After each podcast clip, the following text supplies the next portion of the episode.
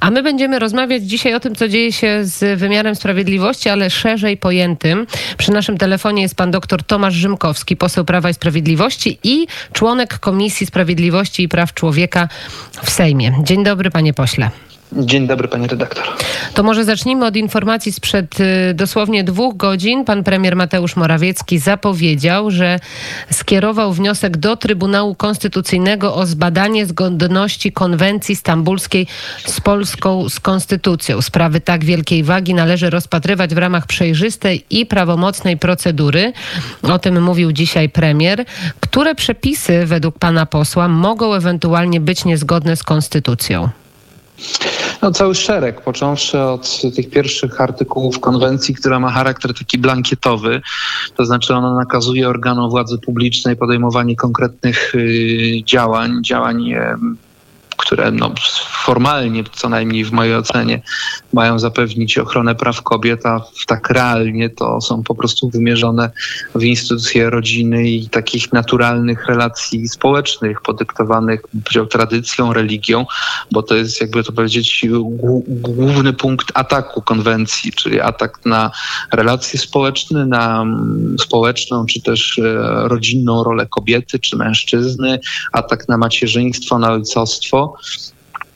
natomiast nie poruszane są w żaden sposób te fundamentalne podstawy no, łamania praw kobiet, czy też no, przemocy wobec kobiet, bo sama konwencja w nazwie mówi o, o przemocy e, wobec, wobec kobiet, a te powiedział, podstawowe przesłanki, które wynikają z analiz osób, które się zajmują na co dzień badaniem przemocy, no to jest alkoholizm, to jest narkomania, to jest prostytucja, pornografia, a tam ani słowem nie zostało wspomniane chociażby o tych czterech elementach, które no, powodują wzrost przemocy wobec kobiet w poszczególnych państwach świata. Natomiast ta konwencja wprowadza między innymi pojęcie płci społecznej, e, płci, która jest w oderwaniu od empirii, I, od I to biologii. te przepisy mogą być właśnie niezgodne z naszą konstytucją?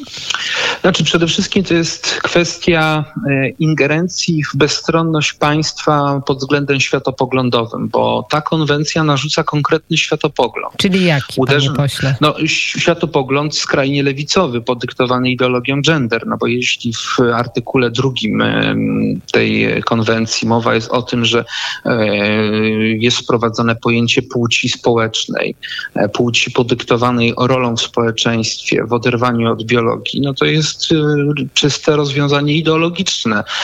Dziesiątki książek można znaleźć w wydawnictwach lewicowych, które mówią o ideologii gender, czym jest ta ideologia, że płeć nie jest determinowana biologicznie, tylko jest determinowana czyimś widzimisię czy rolą społeczną, stąd też niektórzy ideolodzy twierdzą, że jest ich aż 52 czy 54. Ja się już powiem szczerze pogubiłem, bo co chwilę kolejne Tak, na pewno, na, pewno, ki- na pewno kilkadziesiąt. Y, Ale panie pośle, wróćmy do tego, co zapowiedział minister Zbigniew Ziobro, bo w poniedziałek y, wiemy, że złożył on taki wniosek do Ministerstwa Mhm. y, Rodziny związany z tym, żeby konwencję wypowiedzieć. Kilka dni później mamy jednak badanie zgodności z konstytucją. To która droga będzie lepsza? Czy jest lepsza? Czy którą powinniśmy iść? No w mojej ocenie lepszą drogą jest ta zaproponowana przez premiera Morawieckiego. To znaczy Czyli pan E, minister badanie- Ziobro wyszedł przed y, szereg z tym nie, ja bym wnioskiem? tego tak nie oceniał. Ja uważam, że dobrze, że zakwestionował w sposób jawny m, tą konwencję. Ja to już od kilku lat uskuteczniam e, w drodze interpelacji do Ministerstwa Spraw Zagranicznych, bo to jest ten organ, który no, reprezentuje Polskę na arenie międzynarodowej i tym samym prowadzi również negocjacje dyplomatyczne. Proces wypowiedzenia konwencji międzynarodowej jest procesem dosyć skomplikowanym w stosunku do innych źródeł prawa powszechnie obowiązujących w Polsce jak ustawy, bo wymaga no, drogi dyplomatycznej, a następnie przeprowadzenia całego procesu legislacyjnego przez Sejm, Senat, a skończywszy na podpisie prezydenta. Natomiast stwierdzenie przez Trybunał Konstytucyjny nieważności już w zasadzie z chwilą wydania tego orzeczenia powoduje, że dane normy no, są wykluczone z polskiego porządku prawnego Czyli, bez y, konieczności czyli- oglądania się Mhm. na Panie pośle. Międzynarodowe środowisko. Czyli jeżeli Trybunał Konstytucyjny orzeknie, że konwencja stambulska, tak zwana konwencja stambulska, Tak. konwencja przemocowa jest niezgodna z polską konstytucją, my możemy bez problemu mm, wypowiedzieć ją i nie stosować jej w My nawet kraju. nie musimy formalnie wypowiadać, aczkolwiek warto by było to, to uczynić właśnie w, na podstawie polskiego wyroku Trybunału Konstytucyjnego, czyli tego organu konstytucyjnego państwa, który stwierdza zgodność norm powszechnie obowiązujących z konstytucją, a e, traktaty międzynarodowe te z dużej ratyfikacji są źródłami prawa wyższymi niż polska ustawa. E, Tak więc y, po- w w dwójnasób jest to o wiele korzystniejsze niż Rozumiem. A jak pan, ym, jak pan skomentuje słowa między innymi pani Agnieszki Kozłowskiej-Rajewicz, to jest była pełnomocnicz, pełnomocniczka rządu do spraw równego traktowania, że jest to dokument doskonały, jeżeli chodzi o politykę antyprzemocową. Jest to złoty standard polityki antyprzemocowej. No, niestety była pani rzecznik czy pełnomocnik rządu do spraw równouprawnienia kobiet, no i no, ma po prostu skrajnie lewicowe, podyktowane ideologią e, gender e, spojrzenie na, na kwestie światopoglądowe i ona będzie tego broniła, tym bardziej, że ona była główną admiratorką e, przyjęcia przez Polskę, wtedy przez rząd Ewy Kopacz e, tej konwencji, której chociażby nasi południowi sąsiedzi nie, nie ratyfikowali. To przypomnijmy, Czechy, Słowacja, y, Węgry. Czechy, Węgry. M, W Rumunii również y, Trybunał Konstytucyjny zakwestionował tą umowę. I liczą państwo oczywiście, stroną. że w Polsce będzie podobnie. Znaczy ja patrząc z punktu widzenia polskiej konstytucji, zasad mówiących o ochronie rodziny, o ochronie e, rodziców w procesie wychowawczym własnych dzieci, w kwestii wartości, jakim jest sumienie człowieka i brak możliwości ingerencji światopoglądowej państwa w te kwestie, e, to Trybunał Konstytucyjny zakwestionuje tą bardzo ideologiczną e, umowę międzynarodową. Zobaczymy, bo ona jest zobaczymy bardzo jaki, jaki będzie wyrok. Oczywiście. Teraz zmieniamy trochę temat. Ym, Departament Stanu wydał raport. y, To jest załącznik do tak zwanej ustawy 447. Ym, No i y, a pod adresem Polski padają takie słowa, że Polska jako państwo nie uchwaliło kompleksowego ustawodawstwa dotyczącego restytucji mienia krajowego lub odszkodowań za konfiskaty związane z, z Holokaustem. Czy ten dokument y, zobowiązuje Polskę do zmian, czy to jest po prostu raport, którym my się w ogóle nie powinniśmy przejmować? No to jest oczywiście raport. y, To jest y, efekt właśnie tej ustawy JUST, która nakładała obowiązek na Departament Stanu, czyli Ministerstwo Spraw Zagranicznych Stanów Zjednoczonych, coroczne raportowanie o, o stanie rewindykacji, można by było No tak i tam jest stan faktyczny opisany, jak wygląda to w Polsce. Tak, to oczywiście ja się w, w połowie tego zdania, którą pani redaktor przywołała, zgadzam. To znaczy my w Polsce nie mamy ustawy reprywatyzacyjnej, ale tej reprywatyzacji po no, zbrodniczym okresie komunizmu. A dlaczego my nie mamy, panie pośle, tej, polskich- tej y, ustawy do dziś? Bo, bo mieliśmy w 95 roku wybory prezydenckie, wybraliśmy Aleksandra Kwaśniewskiego na prezydenta, który w 99 roku e, zawetował ustawę, którą uchwalił polski Sejm, Senat przyjął i leżała u niego na biurku. No tak, to Gdyby 21 wówczas lat 90 temu, panie pośle, a teraz Dokładnie. mamy No, a Potem, 2020. potem ten temat y, tylko i wyłącznie narósł jako poważny problem, bo jest to poważny problem, bo pewne zmiany, które nastąpiły w strukturze własnościowej w Polsce, no, wywołują tylko i wyłącznie olbrzymie komplikacje. Ja jestem gorącym orędownikiem e, przeprowadzenia procesu, no, w zasadzie nawet nie reprywatyzacji, bo to nie jest uwłaszczenie społeczeństwa na majątku państwowym, tylko to jest rewindykacji, przywrócenia Mm, prawowitym no, właścicielom, którzy tak. mają tytuł prawny. Rozumiem, pan poseł jest, no ale większość sejmowa i rząd, y, który pan wspiera, chyba nie kwapi się, żeby te przepisy uchwalić, bo nie słyszy się. Swego czasu Patryk Jaki był orędownikiem ustawy reprywatyzacyjnej, a później ta sprawa no, gdzieś y, ucichła. Bo to jest poważny problem i y, nawet bym powiedział teraz w sytuacji koronawirusa, no, jako wielki orędownik ja biorę na wstrzymanie, bo mam świadomość tego, że państwo polskie w tej chwili zdeterminowane jest ratowaniem gospodarki. I są inne ważniejsze osób. tematy. Rozumiem. Dokładnie, Mhm. dokładnie. I to, Ale- jest, to jest ten problem. Natomiast ja bym zwrócił jeszcze uwagę na jedne, inny element, bo to akurat z tym się zgadzam. Natomiast nie zgadzam się z tą drugą częścią tego zdania e, w tym raporcie, ponieważ e, mowa jest o zwrocie majątku ofiarom Holokaustu.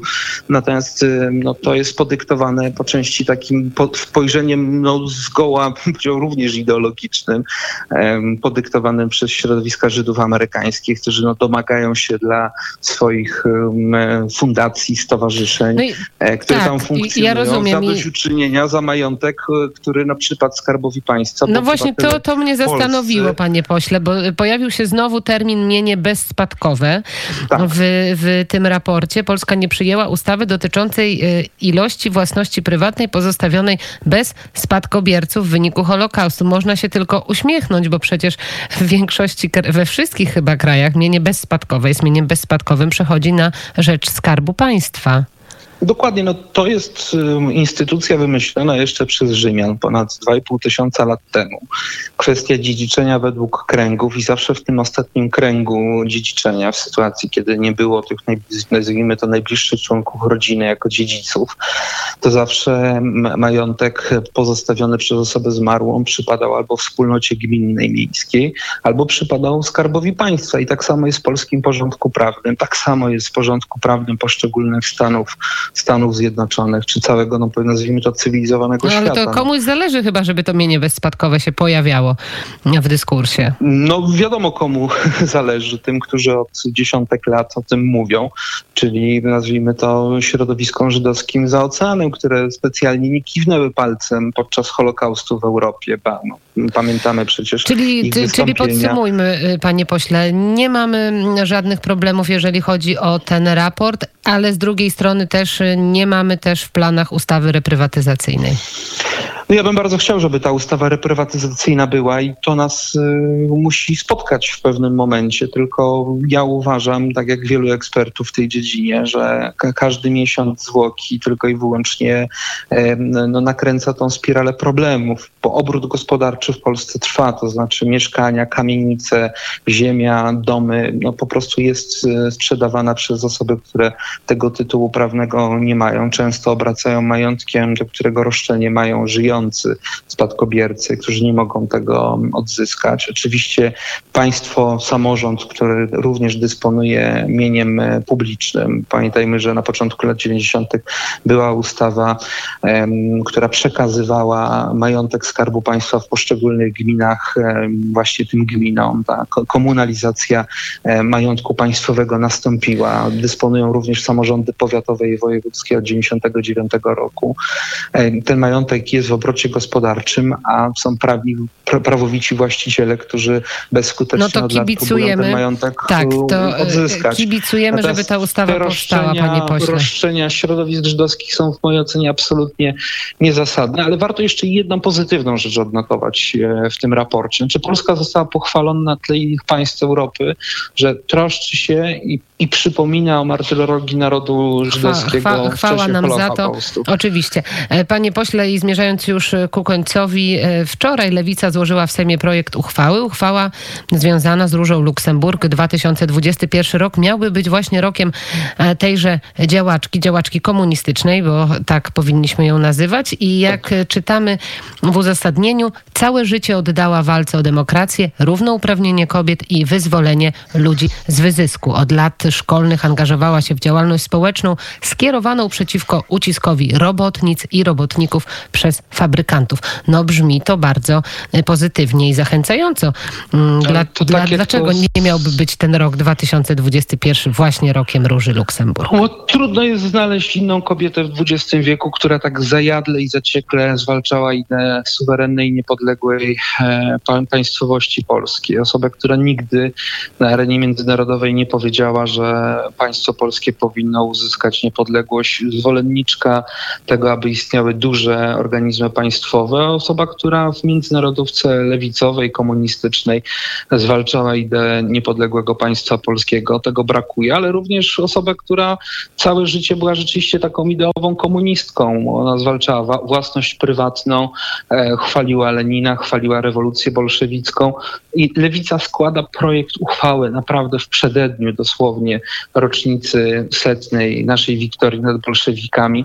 To to pokazuje, że to nawet już nie jest jakieś takie zapieklenie e, lewicowe, lewackie, tylko to już jest jakieś sekciarstwo, bo mi jest naprawdę trudno w Polsce znaleźć środowisko czy też osoby, dla których Róża Luksemburg jest jakimś autorytetem. To jest jakieś kompletnie już szaleństwo ze strony lewicy i radykalizacja no, niespotykana, bo przez minionych 30 lat o Róży Luksemburg mówiło się tylko i wyłącznie w charakterze usuwania tabliczek na ulicach e, i placach, które były jeszcze w okresie komunizmu nazywane jej imieniem. Jest to osoba, która no, nienawidziła idei niepodległego państwa polskiego. Ale też to, krytykowała to... Lenina i partię bolszewicką. To e, też trzeba yy, Tak, w ramach, w, ramach, w ramach międzynarodówki lewicowej, ale jednocześnie uważała, że rewolucja w Rosji, rewolucja bolszewicka jest po prostu ideałem takim, który należy wprowadzić na, na całym świecie i uważała, że e, no, komunizm musi się rozdać na cały świat, bo to jest najwspanialsza idea. Patrząc w na... W parlamencie ktoś składa taką uchwałę, to naprawdę